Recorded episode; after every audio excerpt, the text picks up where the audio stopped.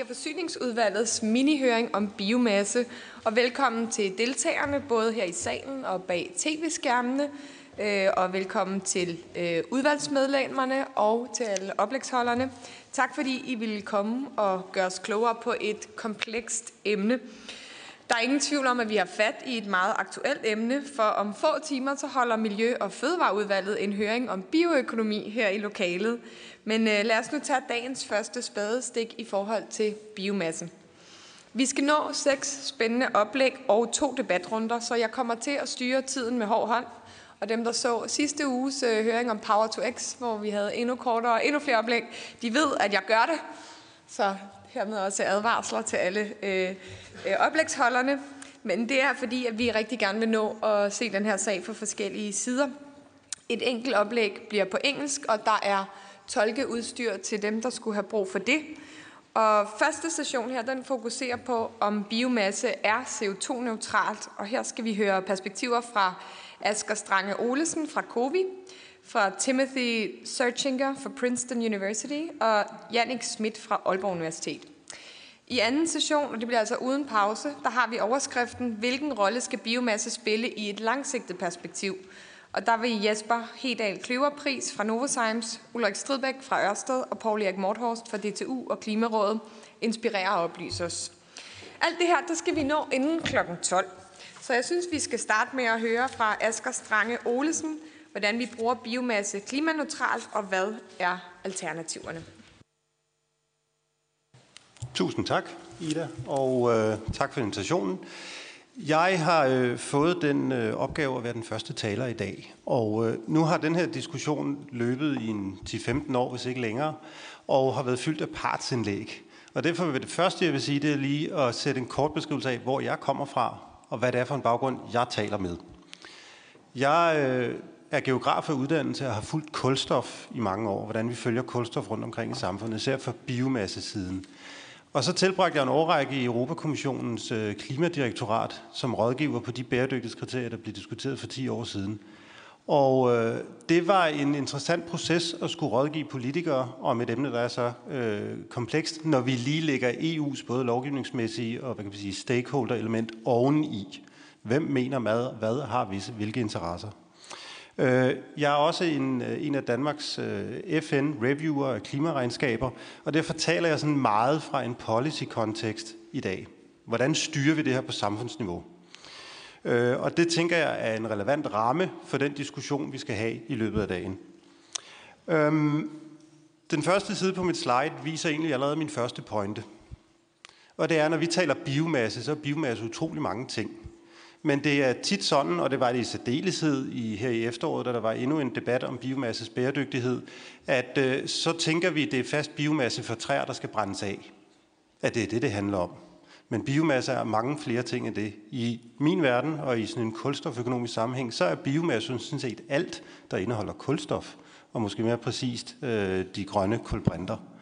Og det kan raffineres til alle mulige ting, øh, så der er ikke tale om bare én simpel øh, biomasse, én simpel værdikæde. Men der er heller ikke kun én tilgang til klimaneutralitet. Og lige præcis den her slide har været en af de væsentligste pointer, jeg har skulle bruge tid på at forklare i løbet af de sidste 10-15 år. For det første så har vi hele certificeringssystemet. Det øh, har jeg her eksemplificeret ved FSC, fordi det kender de fleste, men der er mange andre systemer, skal jeg lige huske at sige. Og det sådan et system gør, sådan nogle certificeringer gør, det er, at det kan dokumentere en specifikke bæredygtighed. Og til lige med bemærke i, at det er bæredygtighed, ikke nødvendigvis klimaneutralitet, for en bestemt forsendelse af biomasse. Så det er sådan en værdikæde. Så er der FN-systemet, som EU også læner sig op af.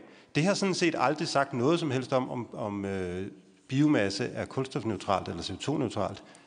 Det er sat i verden for at sikre sig, at vi får bogført biomassen de rigtige steder i de nationale klimaopgørelser, som alle reduktionsmålene refererer til i sidste ende. Så det siger ikke, altså det at pege og pege på, at FN siger, at biomasse er klimaneutral, det er ikke rigtigt. De siger bare, at det skal ikke dobbelttælles. Og så er der en masse problemer med det. Og så er der den tredje måde at gøre det på, og det er den sådan mere videnskabelige, og vi kan sige samfunds- eller måske jordens økosystemtilgang, hvor man begynder at regne på, hvad er det egentlig, der, der ryger op i atmosfæren, og hvad er det, vi trækker ned, og hvornår gør vi det, og hvor gør vi det, og i hvilken form, og hvilken drivhusgaseffekt har det. Det bliver lynhurtigt langt mere komplekst, og det er en anden diskussion. Men hvis ikke man i, i drøftelsen af, hvordan vi bruger biomasse, øh, forsøger at forholde sig til alle tre, så tror jeg, at man får en skæv diskussion. Det er i hvert fald det, jeg har oplevet gennem de sidste 10 år. Se, den forsimplede diskussion, den starter jo, som jeg sagt, tit ved, at vi antager, at vi har nogle træer, der leverer noget biomasse, som vi brænder af, og så på et eller andet tidspunkt bliver det genoptaget i de her træer, der vokser. Det er absolut en relevant case, men øh, der er mange andre scenarier. Og i den simple case, der kan man selvfølgelig sige, hvis vi lægger de tre bæredygtighedsprincipper ned over, jeg lige talte om, eller neutralitetsprincipper, jamen hvis øh, producentlandet af træet har opgjort det korrekte deres klimaregnskab, hvis det er veldokumenteret, at det kommer fra bæredygtig skovdrift, og hvordan det er transporteret og brugt, og hvis øh, man har relativt godt styr på udledninger og optag, balancerer, jamen så kunne man sige, at biomassen er klimaneutral. Det er bare ikke helt så simpelt. Fordi det, der tit vil være alternativet, hvis vi skal tale om et klimaneutralt samfund i 2050, det er, at vi skal kigge på alternativerne. Og der er flere steder, man kan kigge på alternativer. Et sted er jo, hvad er de alternative anvendelser af den biomasse? Kunne det være til materialer? Kunne det være til plastik? Kunne det være til biobrændsel? Kunne det være til noget tredje? Og også over i anvendelsen, hvad er alternativet til at bruge det til energiformål? Eller hvad er alternativet til at producere den samme energi? Er det kul, naturgas eller geotermi? Det vil i de sammenlignende analyser af forskellige værdikæder være ret afgørende. Og det er nogle af de ting, som vi ved, Jannik også kommer ind på sidenhen. Hvordan sammenligner vi biomasseværdikæder? Og i virkeligheden er der jo flere alternativer. Der er også det alternativ, der går helt tilbage til, hvordan bruger vi det land, de arealer, hvor vi producerer biomassen på. Bruger vi den til at producere fødevarer, eller bruger vi den til at producere øh, øh, materialer, eller hvad bruger vi den til? Så det, det er alternativerne, der tit vil være rigtig vigtige at diskutere her. Især når, man, når vi er knap på land, som vi jo trods alt er i Danmark. Men øh, hvis vi så dykker lidt ned i en lidt mere, hvad kan vi sige, øh, ja, kompleks præsentation af, hvordan kulstof og biomasse flyder i samfundet, så kan man sige, at lige nu er der pt. to store kilder. Det er dem, vi ser ud til venstre. Der er det biogene, der kommer fra alt det levende, og så er der det fossile biomasse, eller det fossile kulstof, undskyld. Og de sorte pile, de viser ligesom, hvor, hvor kulstoffen kommer ind igennem samfundet i sin første form. Øh, de grå pile viser, hvor det bliver kan blive cirkuleret. Det her det er sådan et idealistisk fremstilling, og de hvide pile viser, hvornår det vil end of life, hvornår noget biomasse, man så må sige, er ved at være, ikke har flere øh, økonomisk rentable anvendelser. Og det er så der, man øh, fornuftigvis kunne bringe det til, til afbrænding og øh, energiproduktion. Men nu viser det her lidt en trappe, hvor vi går gennem den mekaniske, den syntetiske eller mere kemisk raffinerende, og så den energiske anvendelse af biomassen. Og ideelt set kunne man sådan set øh, genanvende og derefter måske udtrække, raffinere kulstoffen og bruge det i næste niveau og så fremdeles. Øhm, og jeg skal lige sige, at den her figur stammer fra nogle drøftelser og diskussioner, der var i det danske bioøkonomipanel i løbet af sidste år omkring præcis de samme problemstillinger. Og øh, det kommer jeg tilbage til lidt senere. Men den her hvad kan vi sige, systemforståelse af det, man kan kalde samfundets øh, kulstofomsætning, eller fordøjelse af kulstof, hvis vi skal gøre det meget menneskeligt, øh, den er relativt interessant, hvis vi kigger på det i en klimasammenhæng. Fordi for det første har vi jo besluttet, øh, at den der store pil ude til højre, den grå, den skal reduceres med 70 procent. Og nu er vi selvfølgelig et godt stykke af vejen, men op til 70 procent. Men hele den fossile kilde skal jo udfases. Så basalt set har vi en, en kulstofforbrug i samfundet, en biomasseforbrug i samfundet, hvor vi vil tage en af de væsentlige kilder ud, og vi vil reducere tabet. Og det giver sådan set meget god mening. Vi får mindre ind, og vi skal tabe mindre. Så hvad er kernen her? Jamen det er jo, som også drøftet mange steder, at få lukket cirkularitet. Sørge for, at vi genbruger kulstof så mange gange vi overhovedet kan inden vi smider det op i atmosfæren, og måske endda prøver at undgå at smide det derop. Men der er så også en meget, meget vigtig øh, pointe her, som især for sådan en, der kommer fra en, en landbrug- og biomassebaggrund, som jeg selv, øh, vi skal tage med. Det er, at hvis det biogene kulstof bliver vores eneste, eller i hvert fald primære kilde til kulstof i fremtiden, og vi faser øh, og vi gerne vil, øh, vi vil genbruge en masse kulstof, men forbruget af kulstof samlet set falder ikke nødvendigvis så vil der blive et enormt pres på den kilde. Men samtidig vil vi gerne have mere natur. Samtidig tager vi vådbundsjord ud, hvilket er øh, absolut en god idé, og så videre, så videre, så videre. Så der, der bliver noget med, at efterspørgselen efter den her nye commodity, kulstof, den vil stige, men vi vil egentlig helst ikke have, at samfundet går amok. Så øh, for at dykke ind i den, og det er den næste sidste slide, så det her kan blive meget komplekst, men bare at sige, det her kulstofregnskab, her er vi en vision øh, for kulstofforbruget i Danmark, som kommer igen fra det her bioøkonomipanel. Øh, det der diskuteret vidt og bredt, den bygger ikke på modellering, det er ikke faktiske tal, det er en vision, skal jeg sige med det samme. Og den er yderligere beskrevet i det her, den her fine publikation, som Bioøkonomipanelet lavede sidste efterår. Man kan få et par stykker herop. Øhm, der kan vi jo ligesom se, hvordan det skulle forløbe frem mod 2050, hvis vi skal fase alt det fossile kulstof ud.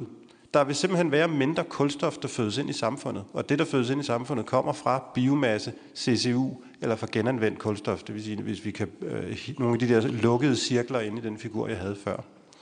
Men man kan jo også sige et eller andet sted, øh, at hvis så længe optaget af kulstof ude i den danske natur er større end den kulstofmængde, vi trækker ind i samfundet, og at den igen er større end den mængde kulstof, vi taber, så er der en netto ophobning af kulstof.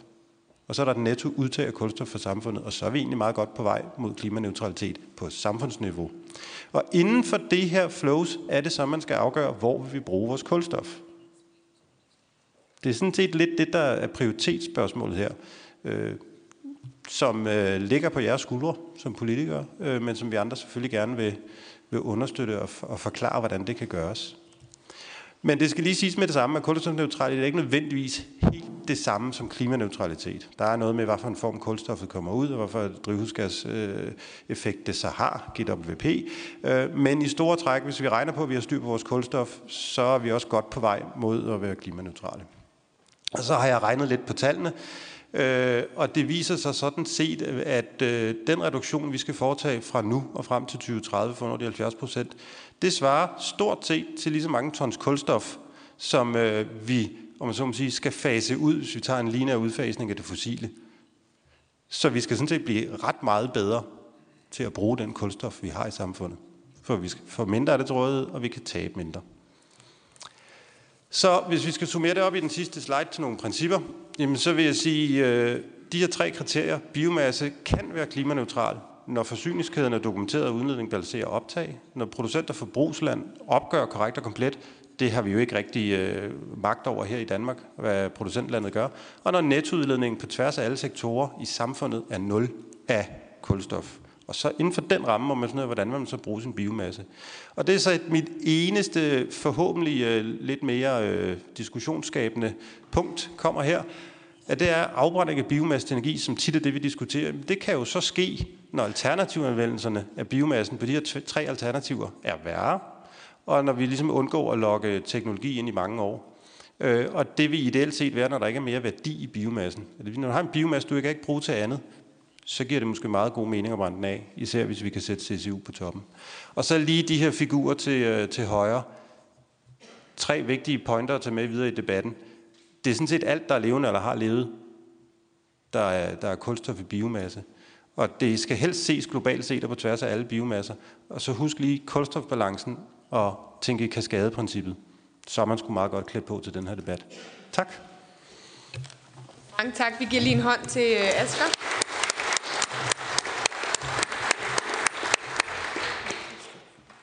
And uh, now I'm very happy to... Og nu er jeg glad for at kunne byde velkommen til Tim Searchinger,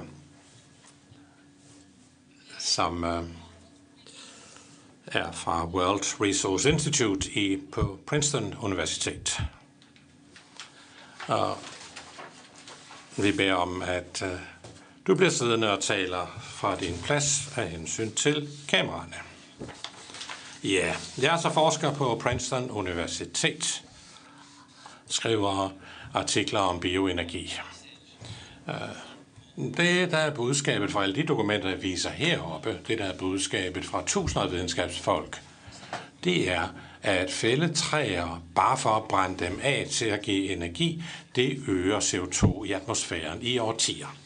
800 videnskabsfolk skrev det i et brev, også Nobelprisvindere og næstformanden for IPCC, og også øh, den videnskabelige udvalg i det europæiske miljøagentur og de nationale øh, videnskabelige øh, organisationer af forskellige slags har skrevet under på det her brev, som vi har udarbejdet. Det skulle ikke være nogen overraskelse. Hvorfor, hvorfor genbruger vi papir, og, og hvorfor brænder vi det ikke bare af? Hvis vi mente, at øh, det med at bare at brænde træ af, det vil være en god ting, så vil vi jo ikke genbruge papir. Så vil vi bare brænde det af. Politikken nu er jo, at vi genbruger for at skåne træerne, ikke sandt? Men så er der så andre, som brænder træer af, samtidig med, at vi gør det. Øh, det kan, man ikke, det kan ikke være godt begge dele, vel? I bund og grund er det jo sådan, at man meget bruger det træ øh, til træpiller. Det er noget, man gør. Og øh, det er det samme med god kvalitet, som man bruger til at lave papir af. Det er den samme slags træ. Man kan se det heroppe. I kan se, hvad det er for... Øh, det, er, det er fra USA. Det er altså... Man har ikke brugt resttræ her. Det har man ikke brugt resttræ på. Her kan I se Georgia Biomass, deres øh, hjemmeside. Det, det viser det her. Der kommer kæmpe lastbiler med rigtigt træ, rigtigt rundtræ. Det er ikke resttræ, man bruger til at lave træpiller af, som det burde være. Det her, det er resttræ, og det er kvæs. Det er jo sådan noget, man kan bruge. Man kan se heroppe øh, til venstre, der kan man se, før man lavede sådan et træpilleanlæg i Georgia til højre, der kan man se den afskovning, der er sket, al den skovfældning. Her er det igen før og efter. Man har tabt dobbelt så meget træ. Dobbelt så meget, fordi man altså har lavet en træpillefabrik i området. Hvorfor er det, at det så har en negativ indvirkning for i årtier? Jamen, det er jo fordi træ har kulstof i sig, og når man høster træ, når man fælder træ, jamen, så er der jo meget, der bliver udledt. Det bliver simpelthen udledt. Det bliver tabt, ikke sandt? Fordi man laver træpiller af det. Når man afbrænder træ, så udleder man dobbelt så meget CO2, som når man afbrænder naturgas. Det er også vigtigt at huske på. Så når man afbrænder træ, så vil man alt i alt, alt i alt udsende tre gange så meget CO2. Ja, træer vokser op igen, men det tager jo årtier, århundreder måske, fordi det tager lang tid, tager det jo at genvinde det. Og det er det, alle videnskabsfolkene har sagt som et klart budskab. Det er ikke komplekst. Hvis man fælder træer bare for at brænde dem af, så udleder man tre gange så meget CO2, øh, som for eksempel med naturgas, og det vil tage mindst årtier at gøre noget ved det. De mængder, vi taler om, betyder virkelig noget. Hvis man skal producere 5% af Europas energi ud fra træ, så skal man bruge alt det træ, der bliver høstet i Europa hvert år. Hvis man bare skal på globalt niveau skal have 2% af energien fra træ, så skal man fordoble den globale fældning øh, globalt altså. Og igen, der vil altså blive udledt rigtig meget CO2. En fordobling, mindst en fordobling af udledningen af CO2. Og, og hvorfor? Jamen det er fordi bioenergi er meget ueffektivt.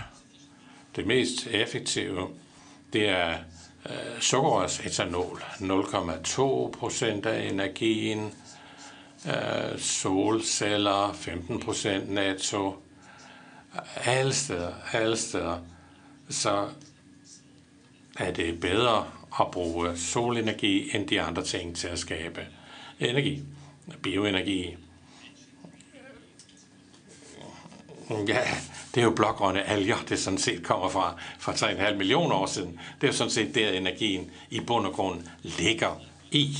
Men lad mig, lad mig lige sige, at de her resultater, det, er, det har ikke noget at gøre med, hvor bæredygtig fældning af træerne er. Det har ikke noget med det at gøre.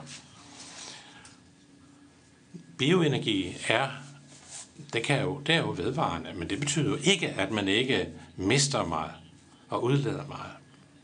Bare man ser på den årlige vækst, jamen, øh, så får man altså mere CO2 i atmosfæren, som jeg var inde på, og man bruger faktisk mindre bioenergi, end man gjorde tidligere i virkeligheden.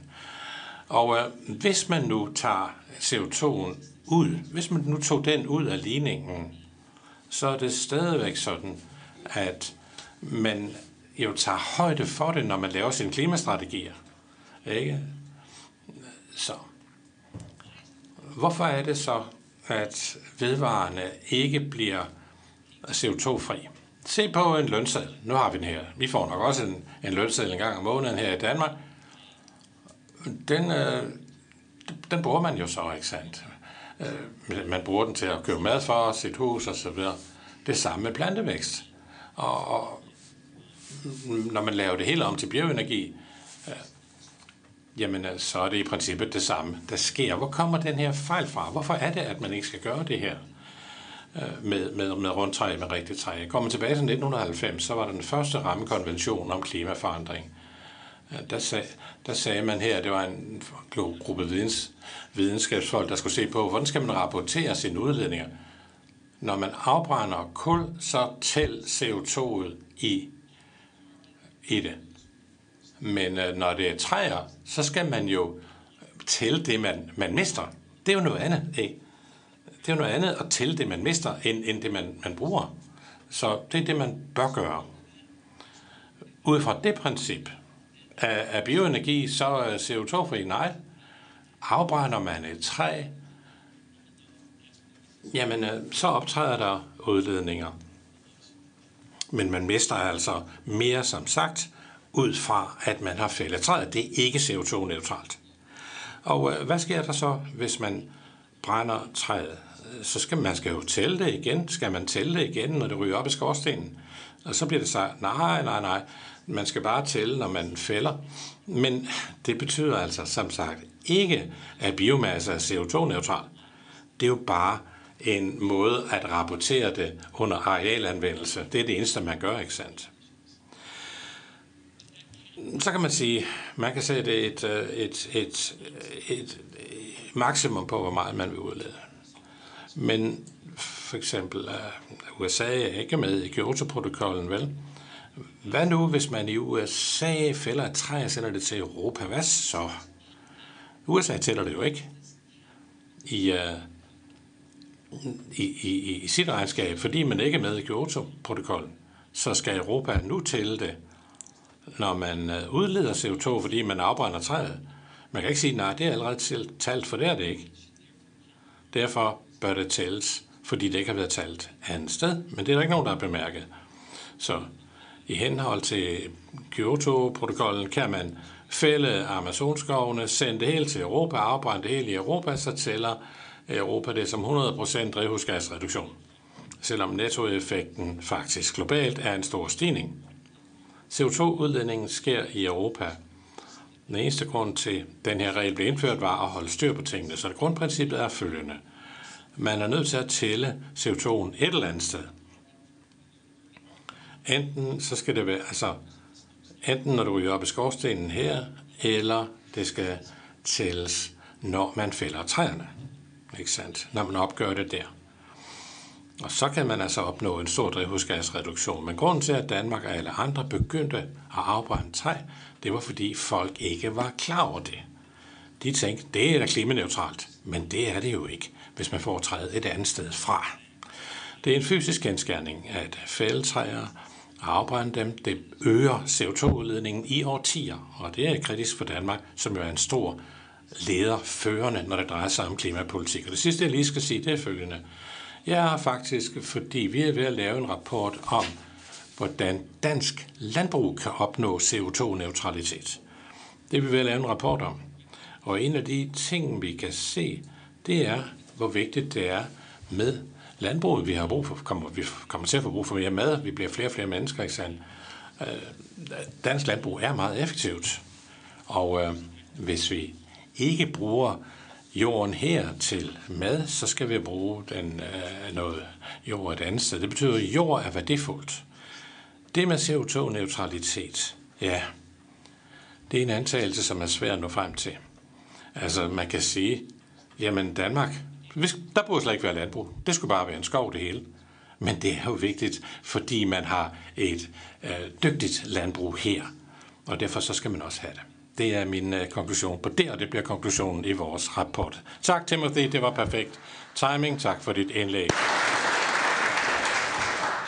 And the third speaker in this round before we have Og så tredje taler i denne runde inden spørgsmål er Jannik Schmidt, som kommer fra Aalborg Universitet. Goddag, mit navn er Jannik Schmidt. Øh, jeg vil fortælle noget om øh, biomasse set i et livscyklusperspektiv. Jeg har tre pointer, jeg gerne vil komme ind på. Min første pointe, det er, at øh, biomasse, det er ikke klimaneutralt. Ligegyldigt, hvordan man gør. Det kan det aldrig blive. Min anden pointe, det er, der findes to slags biomasse. Der findes biomasse med en stor øh, klimapåvirkning, og der findes biomasse med en lille påvirkning. Og det sidste, jeg vil komme ind på, det er, at selv om man bruger den biomasse, hvor der er en lille påvirkning, så er der stadigvæk en risiko for, at man smutter over i biomassen med den store. Så derfor skal man passe på øh, og have de rigtige kriterier, selv om man går efter den rigtige biomasse. Når vi siger, at biomasse det er CO2-neutralt, så kigger vi, og jeg viser en slide nu, der viser noget om livscyklusperspektivet, så siger vi, at det, der bliver suget op af CO2 i plantagen, det bliver udledt, når vi brænder det af, og derfor siger vi, at det er CO2-neutralt. Øhm, men der er stor forskel på, hvornår CO2 det bliver udledt, og hvornår det bliver optaget i skoven igen. Det kommer jeg tilbage til.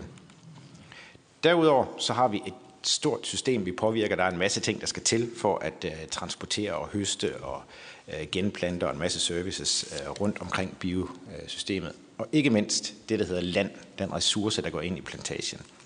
Så for alle de her forskellige aktiviteter, der skal til for at levere biomassen, der er der CO2-emissioner.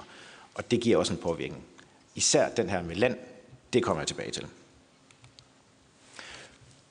Først vil jeg sige en lille smule omkring biomasse med en stor drivhusgasudledning. Der er to årsager til, at der er en stor øh, drivhus, øh, drivhusgasudledning. Først og fremmest, så er der forskel på, hvornår at vi udleder CO2, og hvornår vi samler den op igen. Det har en effekt. Dernæst, så det, at vi bruger land, som Dr. Thurchinger var inde på lige før, land er ikke klima gratis. Det kommer jeg tilbage til. De her to pointer kommer jeg tilbage til, og så kommer jeg ind på biomassen med den lille påvirkning til sidst.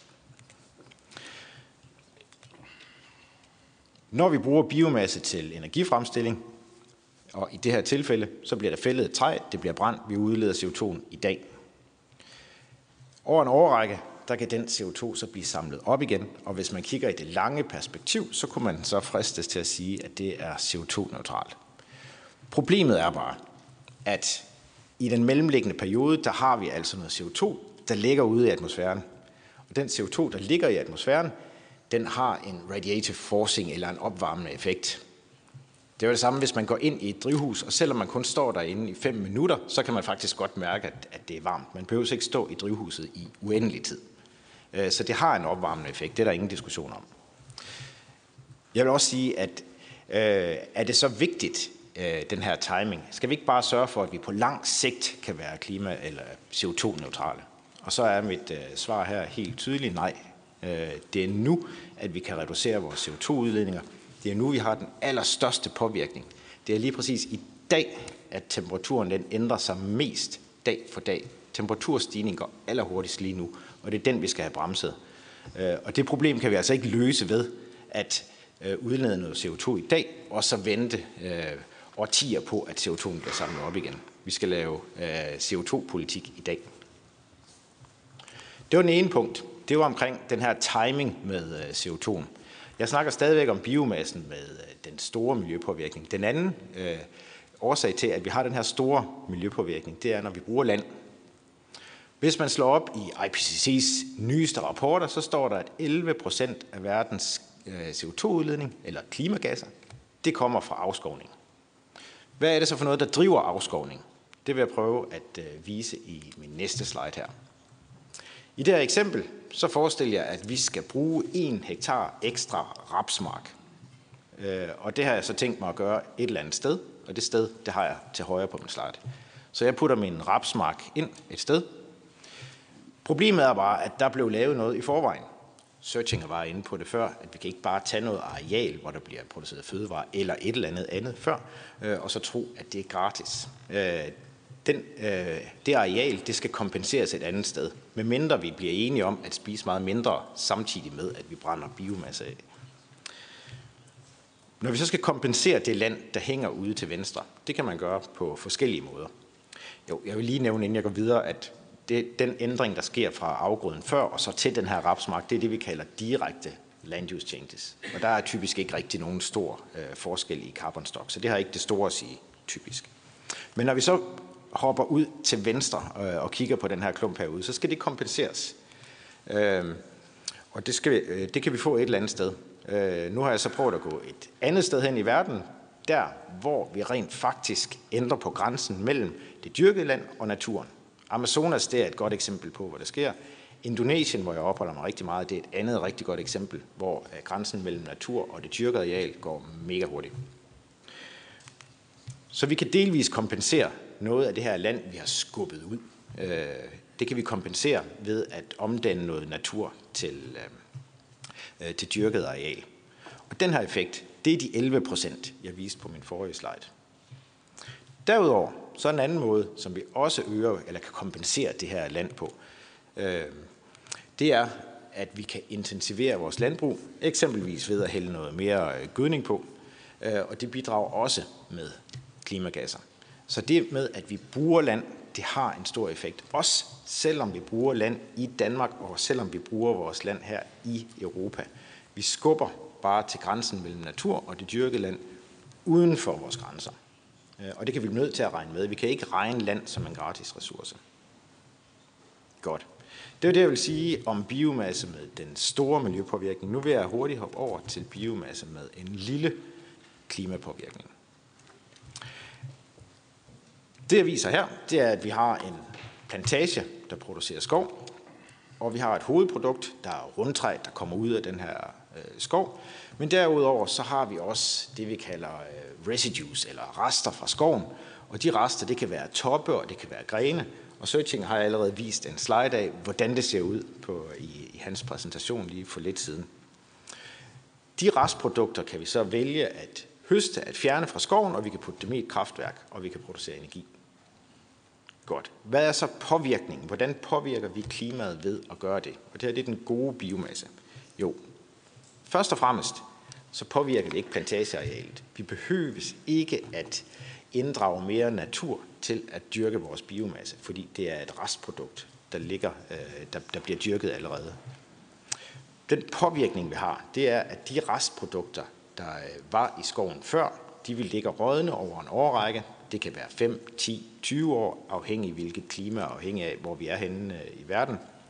Hvis vi så vælger at brænde dem i dag, så får vi selvfølgelig vores øh, CO2-emissioner ud i dag, og det vi undgår, det er, at de ligger og rådner over en årrække. Igen så er effekten af det her, at vi får nogle CO2-emissioner ud i dag, der alternativt ville have kommet ud stille og roligt hen over de næste 5-10 år. Og igen så har vi den her timing med øh, CO2, at det er vigtigt, at vi får reduceret vores CO2 i dag, og ikke om 5 eller 10 år. Men trods alt, så har vi en væsentlig lavere miljøpåvirkning, når vi er ude og snakke de her restprodukter. Så effekten her, det er, at vi har CO2 her nu, og vi undgår en langsom nedbrydning. Igen, det er ikke nødvendigvis en stor miljøpåvirkning, vi har her, men det er ikke klimaneutralt. Min sidste pointe, jeg vil komme ind på, det er, at jamen okay, hvis vi så beslutter os for, at vi vil kun anvende den her biomasse med den lille klimapåvirkning.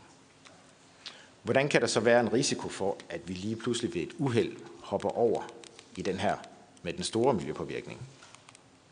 Jo, hvis vi forestiller os, at øh, et energifirma køber øh, fra et sted, der allerede sælger eller allerede udnytter al den her biomasse, så er der chance for, at man skubber en anden aftager af biomasse et andet sted hen. Så hvis der ligger en stor bunke øh, savsmuld, og man køber den, og hvis nu man siger, at det her energiselskab ikke købte den bunke savsmuld, øh, så ville der måske have kommet en anden og købe det. Så hvis man nu går ind og køber den, så skubber man nogle andre ud. Og hvordan sikrer man sig så, at de andre aftager af biomassen, at de ikke hopper hen i den biomasse, der har den store miljøpåvirkning? Der er det rigtig, rigtig vigtigt, at der bliver stillet nogle kriterier op, så man sikrer sig imod den her leakage-effekt.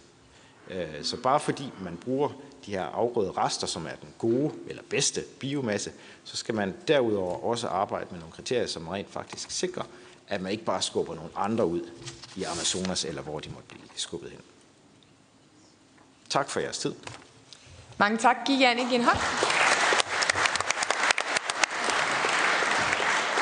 Tak øh, til jer alle tre for nogle øh, meget, meget øh, spændende oplæg, som øh, jeg synes øh, lidt hen ad vejen sagde øh, nogle af de samme ting og pegede på nogle af de øh, samme problemstillinger.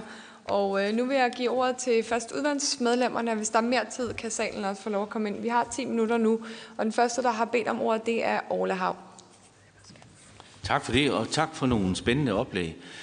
Øh, jeg sidder og funderer over, I har alle sammen som case noget med at få noget træ af. Men, men for mig at se, så er der også en masse biomasse, som er spildprodukter fra landbruget eksempelvis, som kan anvendes på anden vis.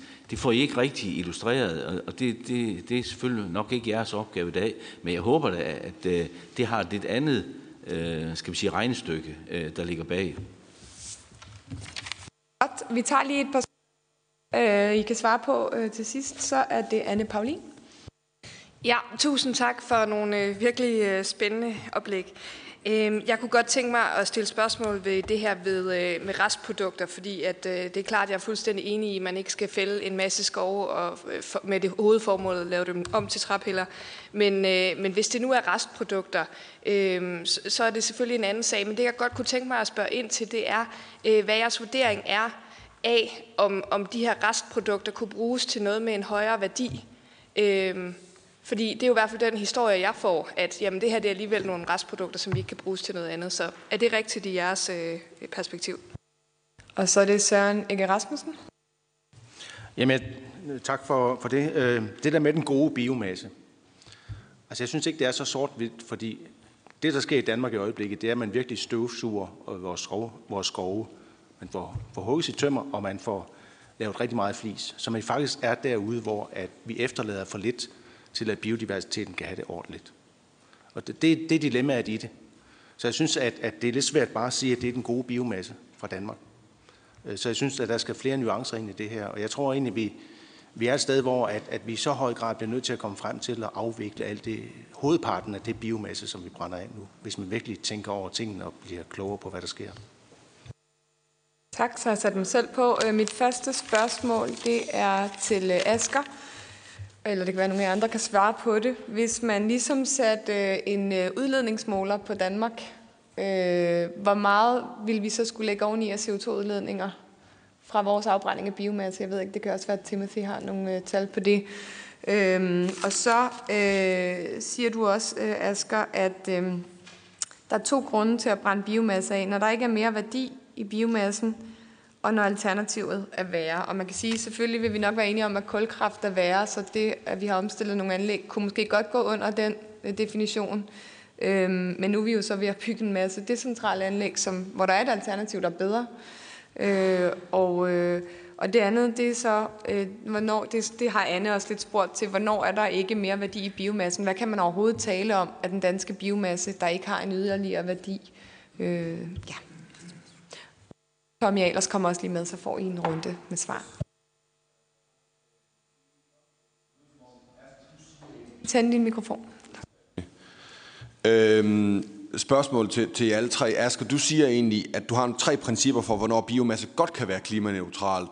Og så siger både Timothy og Jannik, at det kan aldrig være klimaneutralt, om I, lige kan, om I egentlig er uenige, eller det er fordi de tre principper aldrig kan være opfyldt, som, som du opstillede. Det er det ene spørgsmål. And Timothy, a question for you. You know, jeg er ikke helt sikker på, at jeg forstår forskellen imellem at måle udledningen, når man afbrænder, i forhold til, når vi høster. Når vi høster træet, så kan vi afbrænde det senere, eller bruge det til noget andet. Så hvordan, hvordan kan man have sådan en misforståelse? Fordi der, der, der er noget af en forskel, det er der ikke. Det var bare til afklaring. Skal vi du begynde? Tusind tak. Øh, god spørgsmål. Jeg tror sådan, at jeg kan besvare dem alle sammen på en gang. Øh, min pointe er lige præcis, at biomasse er rigtig, rigtig mange ting. Og at det med at tale om, at biomasse, når det ikke længere har en værdi, det er jo så også lidt en flydende ting. Fordi det er hele tiden et spørgsmål om, hvad er så omkostningerne, basalt set business casen, for at forme kulstoffen i biomassen om til det, vi skal bruge den til. Så skal den bruges i et biogasanlæg? Det er der nogle ret gode business cases på allerede. Øh, skulle vi bruge den i et biogasanlæg, hvor vi så satte en opgradering på og noget CCU og trak kulstof ud, og så kunne vi lave nogle produkter ud af det? Den business case er der ikke nu, men den kommer måske om 10-15 år. Øh, skal vi bruge et restprodukt, øh, lad os sige noget... Øh, for eksempel på nuværende tidspunkt i Finland, der kan de lave træflis om til nogle øh, kulstofforbindelser. De kan bygge en bil af, der kan bestemme, eller der kan bestå øh, crash test så erstatter det noget aluminium nogle gange. Så er der en anden alternativ, og det er derfor, jeg har talt så meget om alternativerne. For hvad er alternativanvendelsen? Det er det, vi skal kigge på. Hvad er den smarteste anvendelse af det kulstof, vi har? Og dermed kommer vi også frem til, øh, til, til dit spørgsmål, Tommy. Øhm, fordi jeg siger lige netop, at biomasse kan være neutralt på samfundsniveau. På den enkelte værdikæde, som de to her også påpeger, der kan det ikke. Men hvis vi samlet i samfundet, og her taler jeg både om, hvad vi optager i skovene, og det er jo basalt også den præmis, de her taler om, på et givet tidspunkt optager mere i samfundet, end vi udleder af, af biogen carbon, så er vi vel ved at bygge en nettopulje op. Det er så utrolig svært at måle på, øh, men vi er ved at bygge de ting op i, i, i målesystemerne. Så i princippet er vi ikke uenige. Jeg taler bare om et andet skala. Jeg taler om biomassen på samfundsniveau og kulstof, fra, biogen kulstof på samfundsniveau. Og dermed kommer vi sådan lidt frem til, øhm, til de to sidste spørgsmål. Kan man sige, Søren, ja, god biomasse. Øh, jeg er for så vidt et langt stykke han enig i, at der er langt, mere, langt flere perspektiver, vi skal kigge på. Øh, vi havde 10 minutter i dag til at tale om kulstof. Øh, hvis vi havde haft en halv time, havde jeg også talt om biodiversitet. Men nu handlede det om kulstof i dag. Så, så det er absolut en vinkel, vi ikke må glemme. Og der er også noget med social retfærdighed osv., hvis vi henter biomasse ud i verden. Så der, det er meget mere komplekst end som så. Øhm, og så øh, dermed tilbage, Ida. Øh, det kan man godt regne på, den her samfundsneutralitet. Jeg tror ikke, nogen, der har gjort det endnu. Øh, hvis man begynder at knække øh, de tal ned, vi rapporterer til FN, øh, som er, indeholder en helvedes masse estimater, skal jeg sige med det samme, så kunne man godt lave den øvelse, og så tror jeg desværre nok, vi vil komme frem til, at vi på ingen måde er klimaneutrale lige nu, biomassemæssigt. For alt det, øh, det handler jo ikke kun om træ, vi henter ud i verden, det handler jo også om andre vil man sige, øh, varer, øh, proteiner i soja osv., osv., vi henter rundt omkring i verden. Øhm, og vores footprint er bare større end, vores, end det, vi opgør lige nu, på grund af den måde, vi opgør. Mange tak. Timothy, your turn. Thank you. Uh... Tak. Ganske kort produkter er bedre end bare altså, at, at det at fælde. Og hø og halm, som man brænder af i Danmark, sparer godt 1 million tons af drivhusgasudledninger. Så den, øh, det regnstykke kan man foretage, og det er bedre end alternativet. Men jeg vil også gerne understrege, hvor, vigt, hvor begrænset øh, det er med høst af disse restprodukters værdi. Men hvis man hvis man gør det, at man tager hver enkelt lille kvist, der ligger som restprodukt, så kan man altså dække en meget høj del af energibehovet. Men, men man skal passe meget på, hvordan man opgør disse ting. Spørgsmålet om det her med øh, kraft-varme-produktion, det er ikke noget, der ændrer balancerne. Altså, kul og bioenergi, altså kan man analysere, og så kommer man frem til de samme ting. Og jeg vil hele tiden sige, at der er noget, der er værre end kul. Og det, fordi man mister kulstof hen ad vejen i processen. Jeg kan ikke komme ind på, hvad Danmarks reelle udledning er, men hvis man tæller udledningen fra biomasse, så er det noget, der, der ville reducere de tal i betragtelig grad, som Danmark ellers anfører i forbindelse med vindenergi. Og øh, jeg ved ikke rigtigt øh, det her med træafbrænding, men jeg vil godt lige fortælle lidt om, hvordan problemerne er opstået. Grunden til, at princippet fungerer, at man tæller udledningen, når man fælder træerne, er for det første, at det er den samme effekt rent indrapporteringsmæssigt fra de to måder at gøre det på. Og det er jo noget, der gælder over hele verden.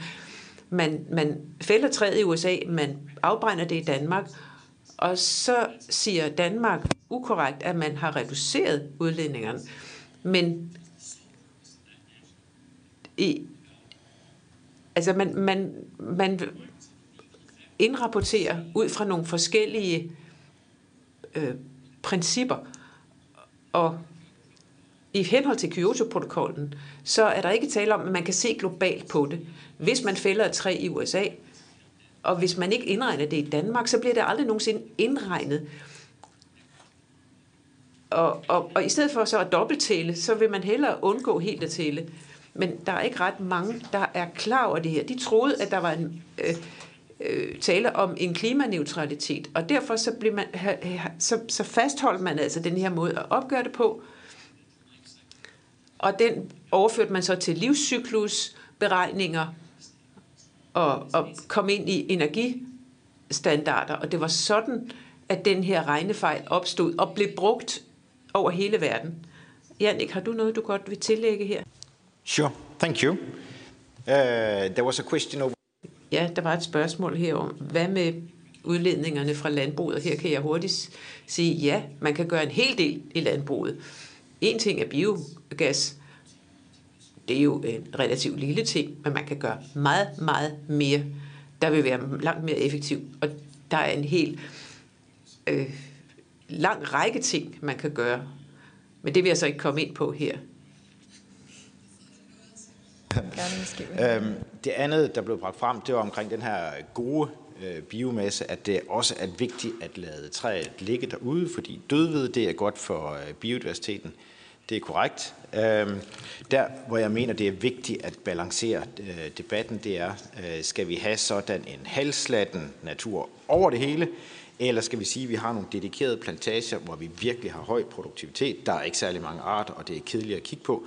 Men det gør vi så, så vi kan få meget mere rigtig natur, som ikke bliver høstet. Øh, og der mener jeg helt klart, at vi får den højeste biodiversitet øh, ved at koncentrere vores produktion nogle små steder, og så lade der være masser af natur andre steder. Mange tak. Og så går vi over til anden session, øh, og det er med fokuset på, hvilken rolle skal biomasse spille i et langsigtet perspektiv. Og den første, vi har inviteret til at tale, det er Jesper Hedal Kløverpris fra øh, Novozymes, hvor du er Senior Sustainability Specialist. Værsgo. Tak for det. ja, mit navn er som sagt Jesper, og øh, jeg er civilingeniør og Ph.D. og har arbejdet for Novozymes de sidste 15 år, og øh, jeg vil underholde jer her de næste 8 minutter øh, ved vores øh, syn på den her sag. Øh, Novozymes producerer enzymer og mikroorganismer til en øh, lang række forskellige industrier, og herunder har, så har vi også brugt øh, en del tid og ressourcer på at udvikle enzymer, der kan hjælpe med at omdanne biomasse, som for eksempel halm, til etanol eller andre molekyler, som kan bruges som øh, brændsel enten direkte eller som byggesten i øh, brændsel eller materialer. Øh, det handler øh, basalt set om at tage biomassen, for eksempel halm, nedbryde den øh, til forskellige komponenter og udnytte de komponenter på den bedste måde. Øh, det kan man gøre på mange forskellige måder, øh, biologisk, øh, kemisk, termisk osv. Øh, og med en bred betegnelse kalder vi det bioraffinering. Og Vi har lavet en vision for bioraffinering, som øh, jeg vil blandt andet vil tale om her i dag. Den vil jeg springe over. Lige mit eget besøg øh, på biomasse er det CO2-neutralt. Det er det nok ikke, hvis vi bare høster og brænder af. Det er allerede belyst. Men med den rette anvendelse af biomasse, så er det en nøgle til negative drivhusgasemissioner. Det er der behov for allerede nu, hvis vi vil øh, opnå klimaneutralitet i 2050, og der er i den grad behov for det, hvis vi vil opnå netto negative emissioner i anden halvdel af det her århundrede. Langt de fleste IPCC-scenarier, som lever op til Paris-aftalen, benytter sig af negative emissioner og carbon capture and storage. Det kommer jeg en lille smule tilbage til. Godt. Øhm, men for at lave bæredygtig bioraffinering, så skal vi bruge bæredygtig biomasse. Og hvor meget findes der derude? Vi kan starte på at se, hvor meget biomasse vi bruger i dag. Det er ikke det hele, der er bæredygtigt, men vi bruger omkring 50 exajoules. Det svarer til cirka 2,5 milliarder tons tørstof. Næsten halvdelen af det er ikke bæredygtig anvendelse, typisk til ineffektiv brug til øh, madlavning med et stort energitab i øh. Så det er selvfølgelig noget, som skal øh, forbedres. Hvis vi ser på det samlede øh, potentiale, så er der videnskabelig konsensus om, at vi har op til 100 exajoules, altså øh, mere end dobbelt af det, vi øh, anvender i dag, og det potentiale er gældende for 2050. Nogle mener, at vi har meget, meget mere. Og det er vigtigt at sige, at det her biomassepotentiale til potentiel anvendelse i øh, øh bioenergi, bioraffinering, det er, øh, det er, når vi har tilfredsstillet vores behov for mad og fiber. Blandt andre kriterier, bæredygtighedskriterier. Det internationale energiagentur, de mener, at vi har et sted mellem 130 og 240 exajoules øh, til rådighed i 2060. Det er det potentialet af bæredygtig biomasse. Og i deres 2 graders scenarie, der skal man bruge 145 øh, exajoules. Bæredygtig biomasse, det kan inkludere rester fra land- og skovbrug. Øh, det kan også inkludere afgrøder, hurtigvoksende græsser og træer under visse forudsætninger. Parentesen er meget vigtig. Samt affald fra industri og husholdninger. Hvordan fordeler det her potentiale sig? Det eneste, jeg vil sige her, det er, at i 2050, der findes ca. 10% af det bæredygtige biomassepotentiale i Europa. Så Europa sidder på en stor del af det her potentiale. Den næste vil jeg springe over af hensyn til tiden, og så vil jeg gå direkte til Danmark. Hvor meget bæredygtig biomasse øh, har vi i dag, og hvor meget kunne vi få, hvis vi fokuserede øh, vores øh, indsats? Øh, det har nogle af landets øh, førende forskere set på. Øh, de så på tre scenarier. I det første lavede man ikke de store ændringer og øh, vurderede, at man kunne høste de her 7,5 millioner tons tørstof fra vores land- og skovbrug. Så havde de et scenarie, hvor de fokuserede på at øge biomassen. Der kunne man høste næsten dobbelt så meget. Og de havde et scenarie, som arbejdede med de samme forudsætninger, men med et fokus på at sænke udvaskning af kvælstof. Øh, de konkluderer, der er et betydeligt potentiale for bæredygtig biomasseproduktion på eksisterende landbrugsjord, uden at reducere fødevareproduktionen. Det næste, de så gjorde, det var at sige, okay, men hvad nu hvis vi anvendte den her biomasse til bioraffinering? Og det, de konkluderer her, det er, at hvis man gjorde det, så kunne Danmark reducere øh, de samlede drivhusgasemissioner med op til 21 procent i forhold til 2009. Så ikke ubetydeligt. Så Danmark og verden har altså adgang til et betydeligt bæredygtigt bio, øh, mas, øh, biomassepotentiale. Men hvor og hvornår skal vi så udnytte øh, den her biomasse? Ja, altså øh, i vores energi- og transportsystem, der skal vi selvfølgelig benytte vind, som Danmark allerede gør i stort omfang, og sol i det omfang, det kan lade sig gøre, det er lidt geografisk bestemt, til at producere el. Og el kan vi bruge i vores elbiler. Dem har vi ikke så mange af endnu. Vi skal have mange flere, men det tager tid. Vi kan også bruge det i i hvert fald nogle af vores tog. Men det er ikke hele transportsektoren. Vi har den tunge vejtransport, vi har flytrafikken, og vi har skibene. Og det er her, at biomasse kommer ind i billedet. Ikke fordi, at de kan løse hele problemet, eller at biomasse kan løse hele problemet, men øh, de kan hjælpe os et stykke af vejen. Biomasse kan, som det sker i dag, brændes af til kraft varme, så det kan supportere vores øh, elnet, og øh, sådan lidt populært sagt, hjælper os, når vinden ikke blæser og solen ikke skinner. Men vi kan også bruge biomasse til bioraffinering og lave flydende, eventuelt gasformige øh, brændsler, der kan benyttes i den tunge transport, og i dag også i den lette transport, fordi vi har et stykke vej til, vi har 100% elbiler. Samtidig så kan man øh, igen det her med at splitte biomassen op, benytte øh, nogle af sidestrømmene, for eksempel det, der hedder lignin, det der gør planter øh, hårdere, øh, som brændsel øh, i kraftvarme, og eller øh, biogas. Øh, biogas fra sidestrømme fra et bioraffinaderi kan også øh, levere biogas, som enten kan benyttes direkte i transport eller i kraftvarme. Godt. Øh, så kommer vi til det med øh, CCU, som allerede blev nævnt af Asger. Øh, vi kan opsamle CO2 fra øh, afbrænding af biomasse i kraftvarme. Det er svært og dyrt. Øh, hvad mere interessant er, at vi kan også opsamle CO2 fra fermenteringsprocesser i bioraffinaderier. Det er interessant, fordi at man får en meget ren og øh, øh, billig strøm at opsamle af biogen CO2. Og det kan man bruge til såkaldte electrofuels, power to x, kært barn har mange navne, øh, hvis man kombinerer med brint, som kan fremstilles via elektrolyse fra elnettet. når vi har overskudsstrøm under ideelle betingelser. Dermed så kan man øge produktionen af flydende og gasformige brændsler til vores transportsektor. Man kan også tage noget af den her CO2 og lagre den. Øh, her er der et vis som en tank. I virkeligheden så vil man typisk gøre det i geologiske formationer, og Danmark har faktisk rimelig gode forhold til det. Igen, det er noget, som er vigtigt øh, på lang sigt i IPCC's klimascenarier. Man kan også bruge biomassen til at lave materialer og foder. På længere sigt måske også mad til mennesker. Og så er der det her med øh, biomasse til øh, kraftvarme. Øh, det gør at få skubbet kul ud af vores system, men på længere sigt skal vi måske i højere grad flytte biomassen over mod bioraffinering frem for afbrænding. Og øh, skal jeg lige se, hvor meget tid jeg har her? Et minut. Et minut, godt. Jamen så vil jeg bare sige, at øh, det her med biomassen, øh, den skal flytte sig i takt med udviklingen inden for andre teknologier, såsom elektrificering og øh, electrofuels, så vi skal bruge biomassen på det rette sted, på det rette tidspunkt igennem den grønne omstilling. Og vi skal mobilisere den bæredygtige biomasse nu til modne teknologier, så den kan anvendes på længere sigt til mere øh, avancerede øh, an, øh, anvendelser. Øh, og så vil jeg bare slutte af med at sige, at for at det kan ske, så skal Danmark have en øh, national strategi for cirkulær, bære, øh, for cirkulær bioøkonomi. Det er vi ikke det eneste, der mener. Lad øh, det være min øh, udgangsreplik. Det er det blot en opsamling på ting, jeg allerede har sagt. Tak. Mange tak, Jesper. Og øh, jeg er sikker på, at strategiens øh, forslagene til strategien, dem får vi jo over i udvalget, så dem kan vi også lige se på.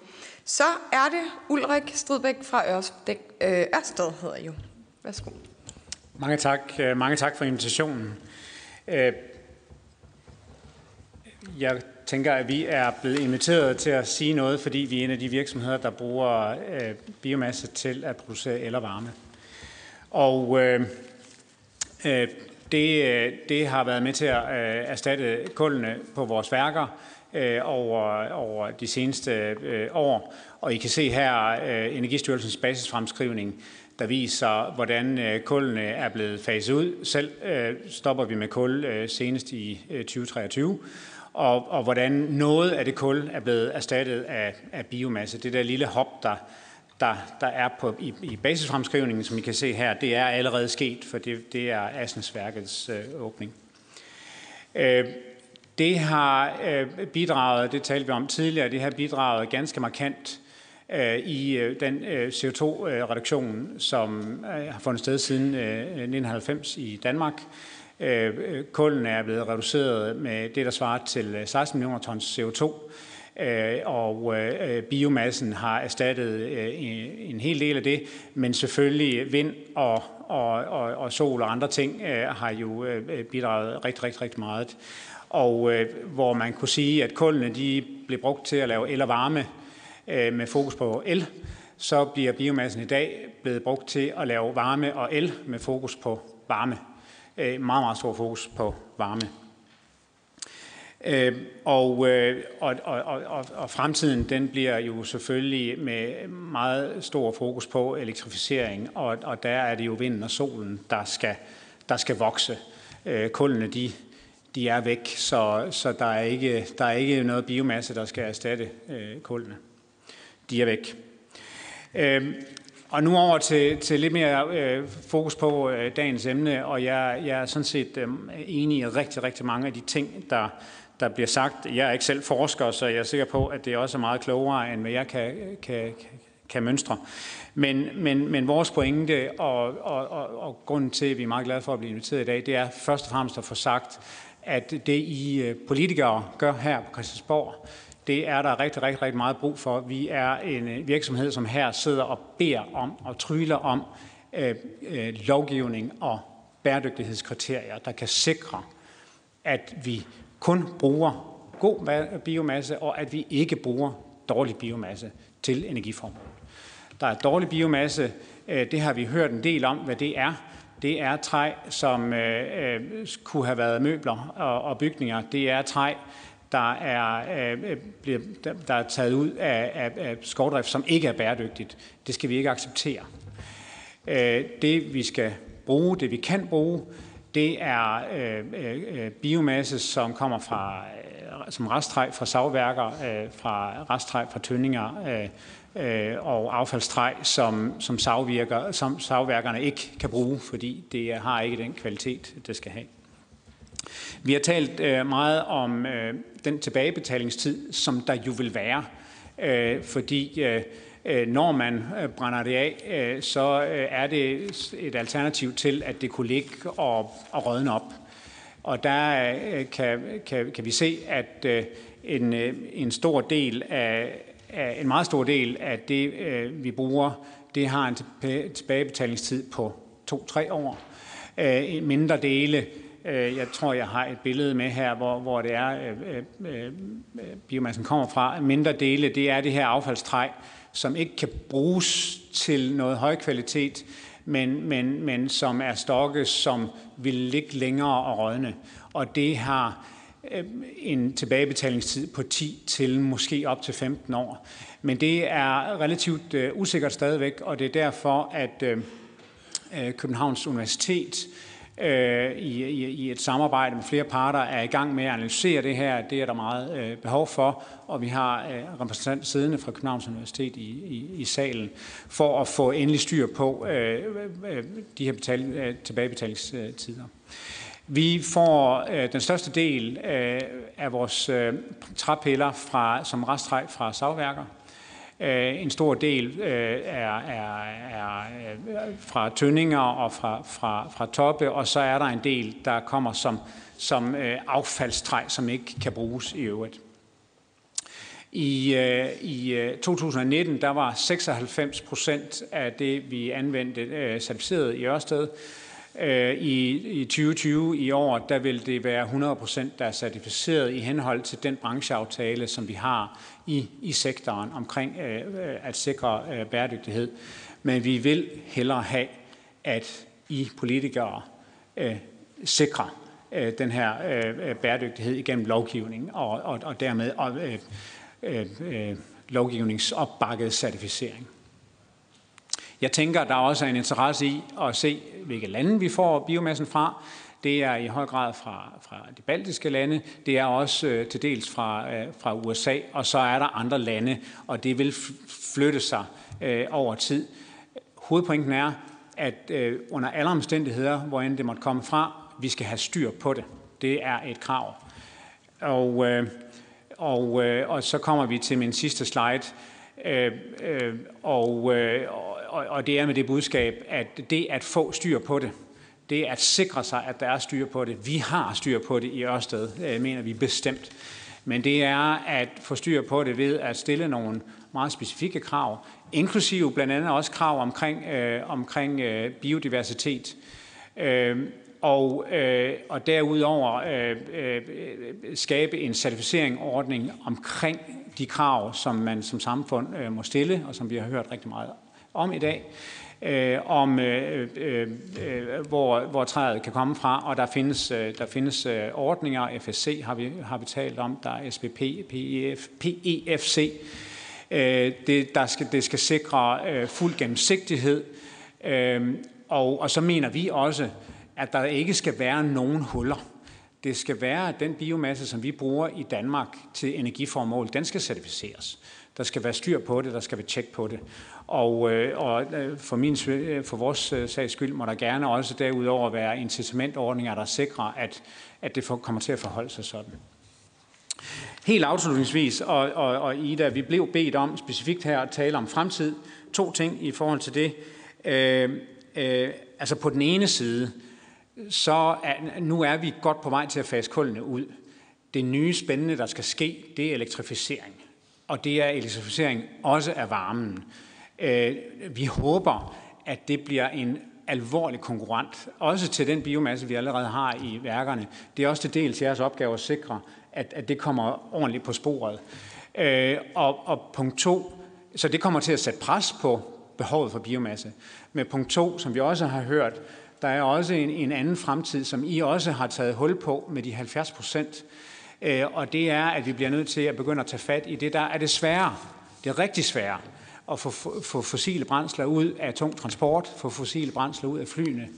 Og her er vi nødt til at begynde at kigge på øh, CO2-cirkulationen øh, øh, øh på et højere niveau. Man er nok øh, nødt til at kigge på at lave politik og måske først en strategi for, for CCU og CCS og, øh, og, og, og, og se, hvad, hvad man skal og hvad man kan gøre øh, politisk. Og det er bare med til at understrege, at det er endnu vigtigere, at man før man går ind i det rum, har styr på bæredygtigheden af den biomasse, man bruger. Tak. Mange tak. Giv lige en hånd til Ulrik.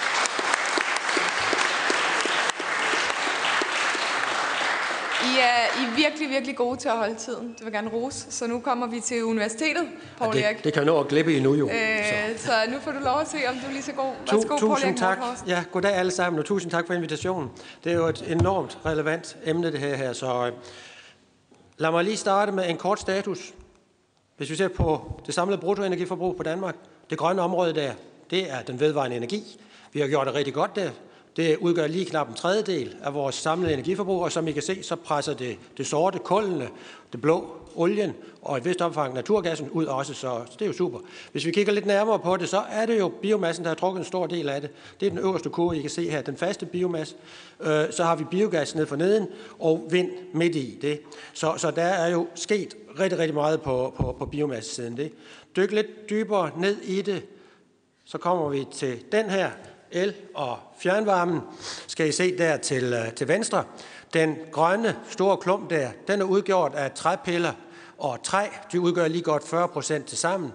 Vind har vi ned for neden, det udgør 30 procent, og så biogassen, det er den der lidt røde, der er brunagtig, lidt højere op, og halm, det er den gule. Men, men hvorom alting er, som I kan se, at biomassen udgør den største del. Men det skal siges, at vi går jo ud i den store verden, og så siger vi, at vi er skide gode til det her inden for elområdet. Og det er jo vinden, vi peger på. Det har vi også. 31 procent, det er flot. Øh, og når vi sammenligner med biomassen på de godt 40 procent, så skal vi sige, at der er en effektivitetsfaktor til forskel. Vind, det er udelukkende elektricitet. Det er lige til at prøve at tage ud af stikket. Mens at biomasse, der, er, der skal altså en konvertering til. Så det fylder ikke så meget i det samlede elsystem. Men lad os gå en tand videre og så se på den faste biomasseanvendelse. Som I kan se, så er der også el- og fjernvarme. Der har været en voldsom stigning. Her er det så også vist, hvordan det vil gå fremover med den politik, vi har nu. Og det vil sige, at vi forventer egentlig, at den bliver så nogenlunde konstant. Men det er jo el- og fjernvarme, der har gjort det rigtig, rigtig godt, kan man sige, med hensyn til at udnytte øh, biomassen. Selvom der jo altså også ligger en række anvendelser, både i de små fyr, i brænde og i transport. En sidste ting på det her, det er så det der med, jamen, hvor meget er det så, vi importerer, og hvordan ser det egentlig ud?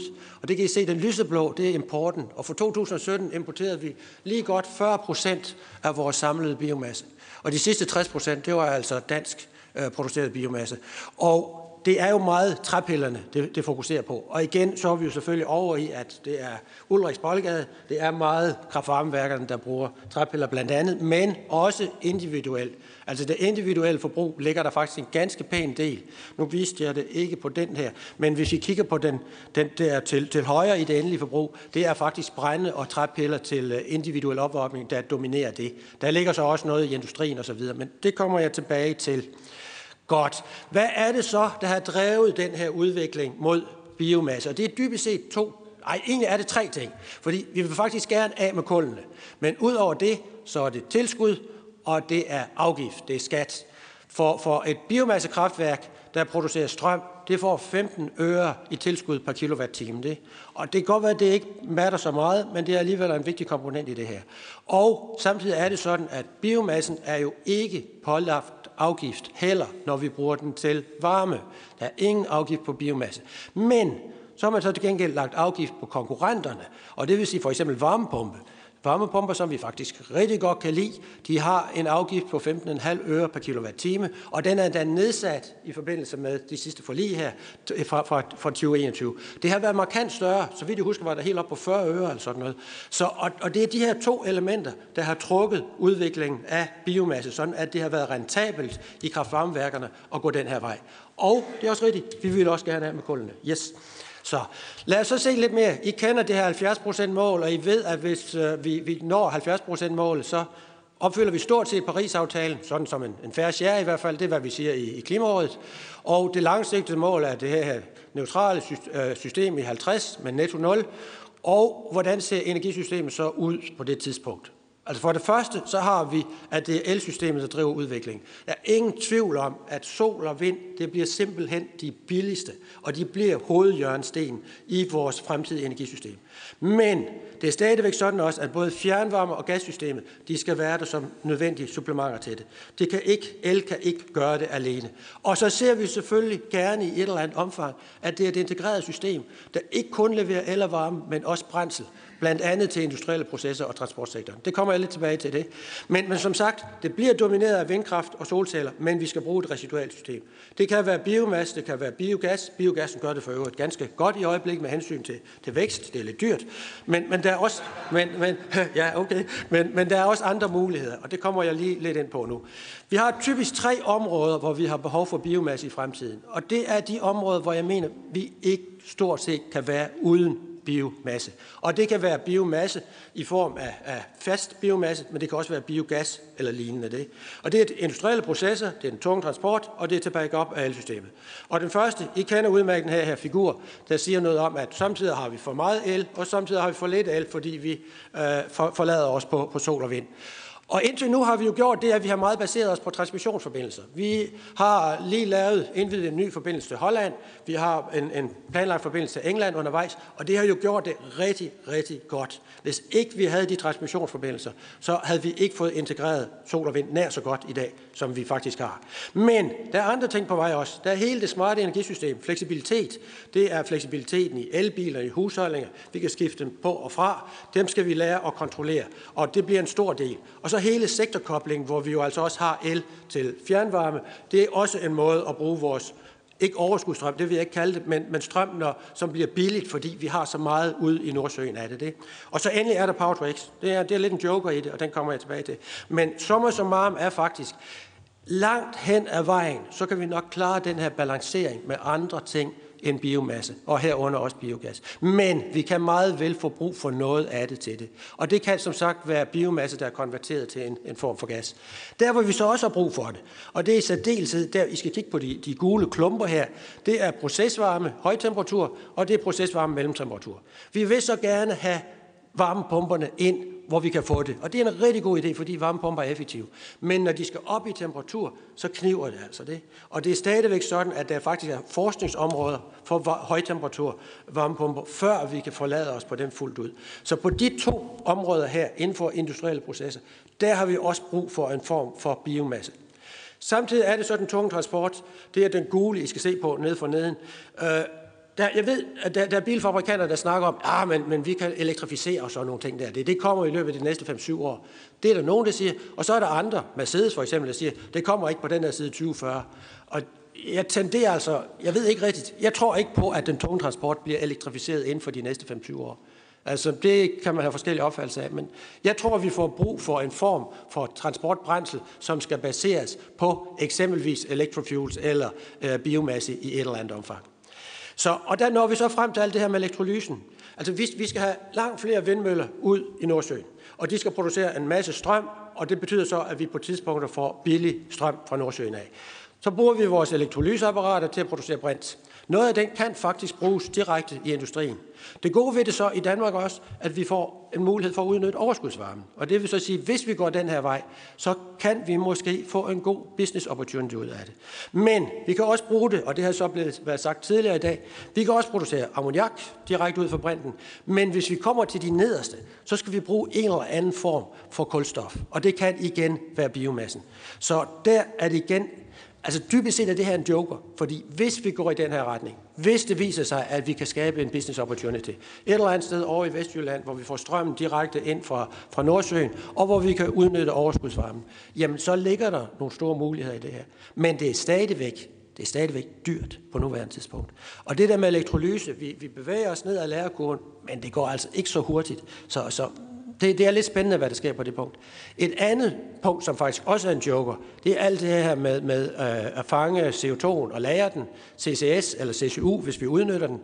Øh, igen går den utrolig godt sammen med biomasse, hvis vi vil have negative emissioner. Og på et tidspunkt i fremtiden, og Det kan godt være, at det bliver på den anden side 2030, men det bliver inden 2050, der får vi brug for negative emissioner. Og der har vi så også brug for, for biomassen. Hvis jeg lige kort skal opsummere.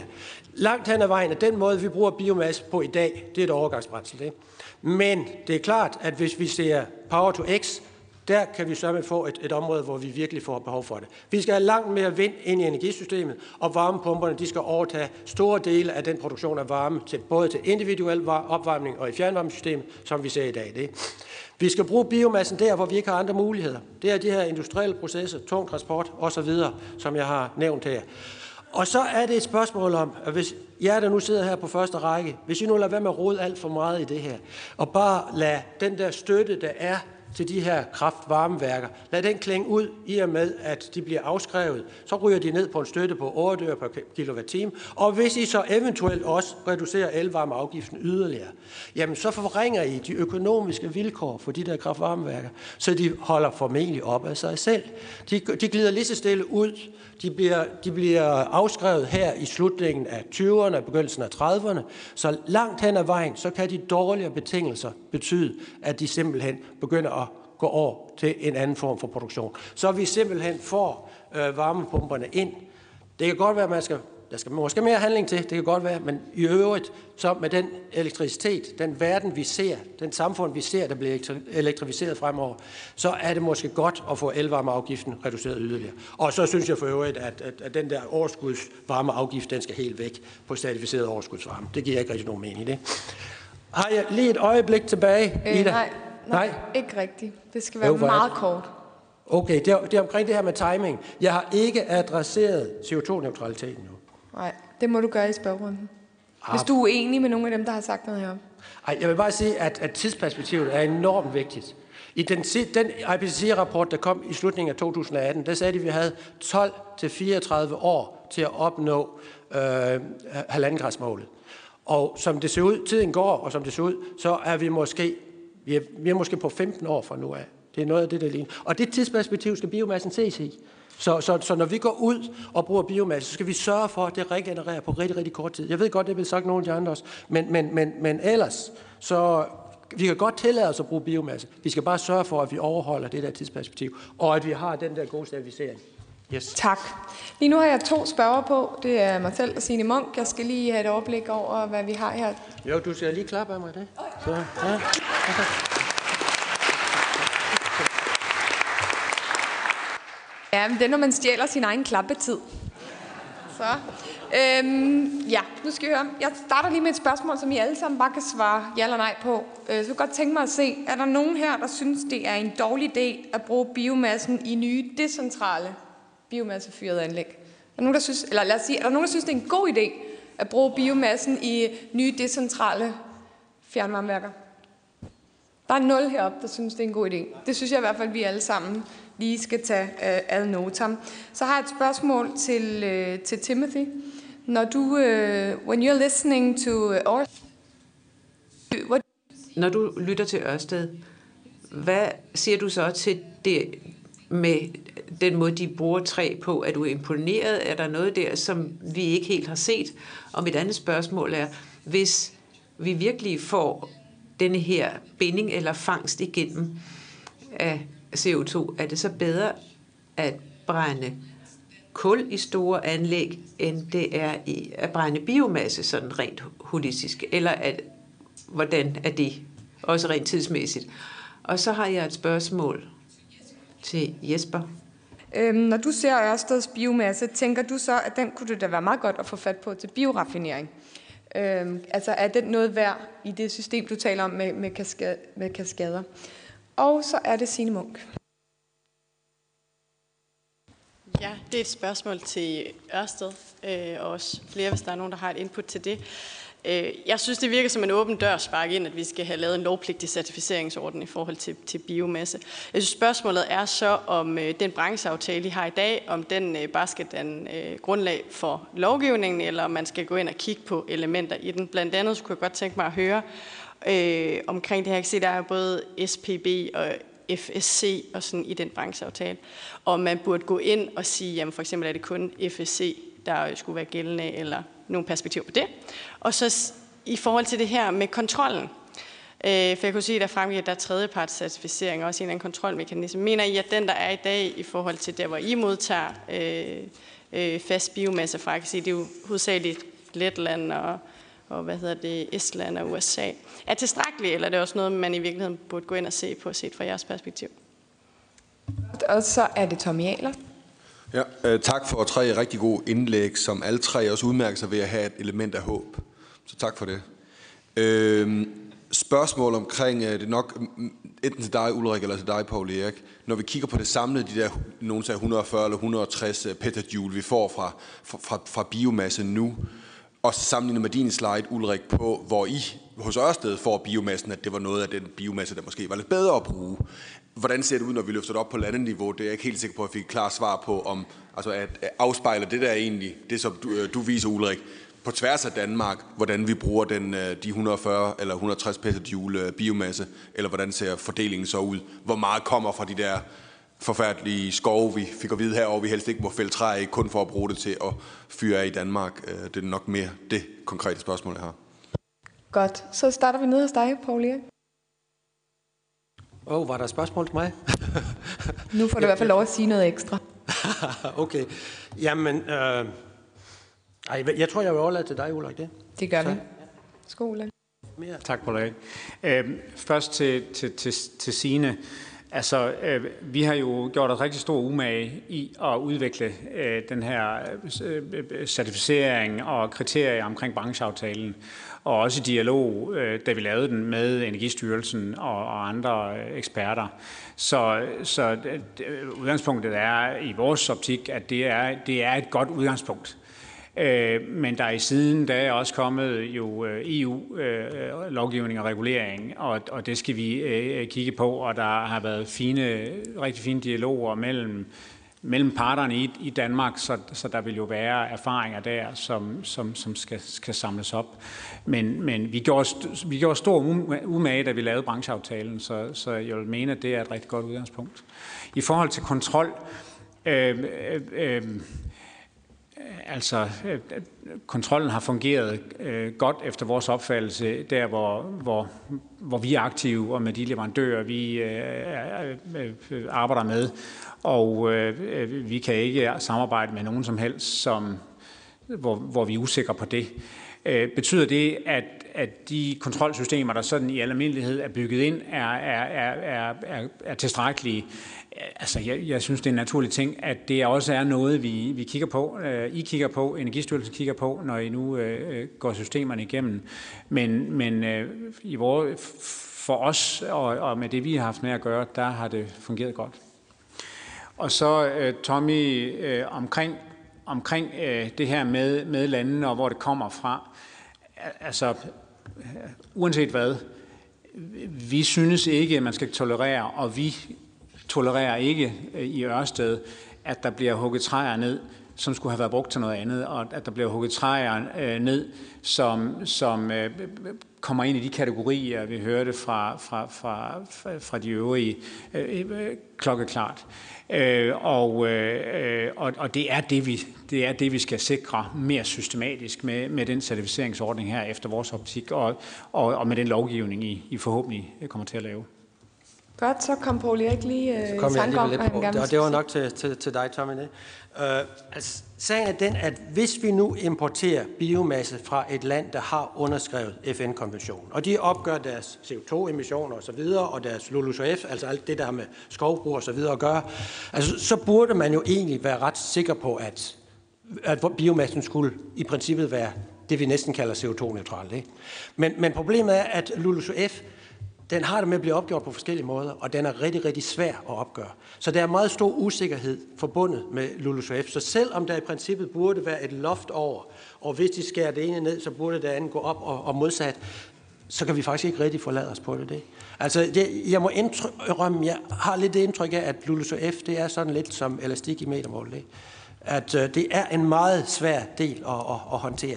Og vi, vi, det kræver, at vi har nogle meget kraftige øh, monitoreringsmetoder. Øh, så er det lige Jesper, du får lov. Ja, Ulrik, jeg tror gerne, du vil svare til sidst, når vi også har været herover. Så tror jeg, du vil bruge din kommentar der. Øh, Jesper, værsgo. Ja, øh, kunne Novozymes øh, tænke sig øh, Ørsteds biomasse?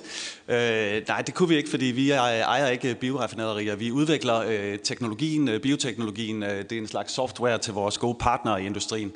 Øh, men øh, jeg er helt enig med Ulrik og, og Ørsted i, at øh, det er utrolig vigtigt, at øh, den her biomasse den er bæredygtig og certificeret, og jeg synes, jeg vil gentage, at vi skal benytte øh, lejligheden, når vi nu har nogle modne teknologier, til at få opstillet de værdikæder, øh, der skal til for, at vi mobiliserer den bæredygtige biomasse, så vi også kan bruge den på længere sigt, når øh, for eksempel øh, cellulosebaseret etanol kommer ind i større skala, øh, og, og så skal vi hele tiden tænke på det her med teknologimodenhed. Altså øh, afbrænding af biomasse til øh, kraftvarme, det er en moden teknologi. Øh, ser man på bioraffinaderier, som for eksempel øh, cellulosebaseret etanol, der er ved at gå ind i den øh, industrielle fase, så er det en, en, en teknologi, der er i sin modning. Ser man på, på Power to X, så er det en, øh, en, stadigvæk en relativt ny teknologi. Og alle, alle de her ting skal man huske på, og det er derfor, at timingen er så vigtig. Øh, og at vi også tænker synergier, og vi tænker det her med, at vi skal opbygge et fleksibelt system, øh, således at det er, kan, kan tilpasses igennem den grønne omstilling, vi skal igennem. Mange tak. And Timothy, it's your turn. Tak for det. Først vil jeg sige, at den certificering, der foregår, er jo ikke noget med det der med resttræ og brug af det. Nej, det har i virkeligheden noget at gøre med, øh, at det er okay miljøet der, når man fælder træerne. Det har ikke rigtig noget at gøre med CO2-neutralitet. Det er en certificering, der bliver fældet nogle træer. Man ødelægger ikke for meget, man planter nye træer. Det er sådan set det, det går ud på. Det antager vi i vores beregninger. Det træ, som Ørsted bruger, det er helt sikkert bare træer, der bliver fældet. Meget, meget lidt resttræ, der går ind i træpiller, der bliver brugt i træpiller. Jeg har vist jer billederne. Det er simpelthen en kendskærning. Det er for fra USA. Det er fra øh, rigtigt træ, og der er certificeringen sådan set irrelevant. Og det vi nu hører om behovet for biomasse, jamen, det er en udfordring. I energiplanlæg, energiplanlægning, der, der, man antager jo nogle ting. Man antager noget, der er sådan øh, klimaneutralt. Man planlægger så, og så siger man, at men biomasse det er klimaneutralt, så tager, vi, så tager vi det med i strategien. Det var da fint, hvis det var rigtigt. Men der, der, den der antagelse om CO2-neutralitet, men hvor ved man det fra? Det gør man faktisk ikke. Og noget af det, vi lige hørte her, det var, at uh, de der 230 exajoule af biomasse. Hvor meget er det? 230 exajoule af biomasse. Det er alt den biomasse, der bliver høstet på planeten. Det er alt. Hele, alt hvad der bliver høstet, og mere til. Vi skal faktisk fordoble høsten af biomasse for at nå op på det tal. Hvordan kan man bruge sådan en antagelse? Nej, der skal man være uhyre forsigtig, når man ser på det tal. 13 millioner ton biomasse i Danmark, det er stort set al den biomasse, I producerer. Så altså, det kan jo ikke fordobles. Så den her antagelse om, at CO2-neutralitet, det er ligesom blevet noget, man tager ind i hele planlægningssystemet, og det er altså et problem. Og det der med bioraffinering, det er et eksempel på noget godt, man gør. Det vil jeg lige sige. En mulighed for at gøre tingene fremadrettet, hvis man kan gå fra årlige afgrøder til nogen med stort øh, udbytte. Man kan, man kan måske endda med Novozymes hjælp, kan man måske lave nogle koncentrater, og så kan man faktisk få mere ud af det. Der, ja, der er nogle, nogle begrænsede områder, som vi nu hører om her, hvor hvis man gør tingene rigtigt, så kan man godt få noget godt ud af det i relation til biomasse. Men jeg siger, lad være at acceptere de her tal, uden at spørge, hvor biomassen kommer fra, og hvad det er for noget. Man, man opgør altså biomasse i sit nationale opgørelse på en måde, og det har intet at gøre med CO2-neutralitet i Danmark. I USA, man fælder et træ, der kommer mere CO2 ud af atmosfæren. Altså, den måde, vi tæller det på i den nationale opgørelse, er irrelevant. Det betyder bare, at vi, vi laver optælling, det er fint, men det betyder faktisk ikke, at vi globalt mindsker øh, øh, udledninger. Tak, Timothy. Det, der var der nogle ting at tænke over der, også her i Danmark i hvert fald. Ja tak. Jeg har to ting, jeg gerne vil sige. Den ene ting, jeg gerne vil sige, det er, at der har været en masse snak om certificeringer. Øh, og der vil jeg gerne være med til at understrege, at certificeringer har ikke noget med klimaneutralitet eller forbedret klima at gøre. Øh, så når vi snakker klima, så hjælper det ikke at vælge FSC-certificeret øh, træ. Øh, det, som en certificering den skal sørge for, det er for det første, at man har en høj produktivitet i de plantager, hvor man får det fra. Og i første omgang, så sørge for, at det er en plantage og ikke noget seminaturlig skov, det kommer fra. Øh, dernæst, så kan det være nogle krav om, at man skal udnytte øh, residualerne i sin skov.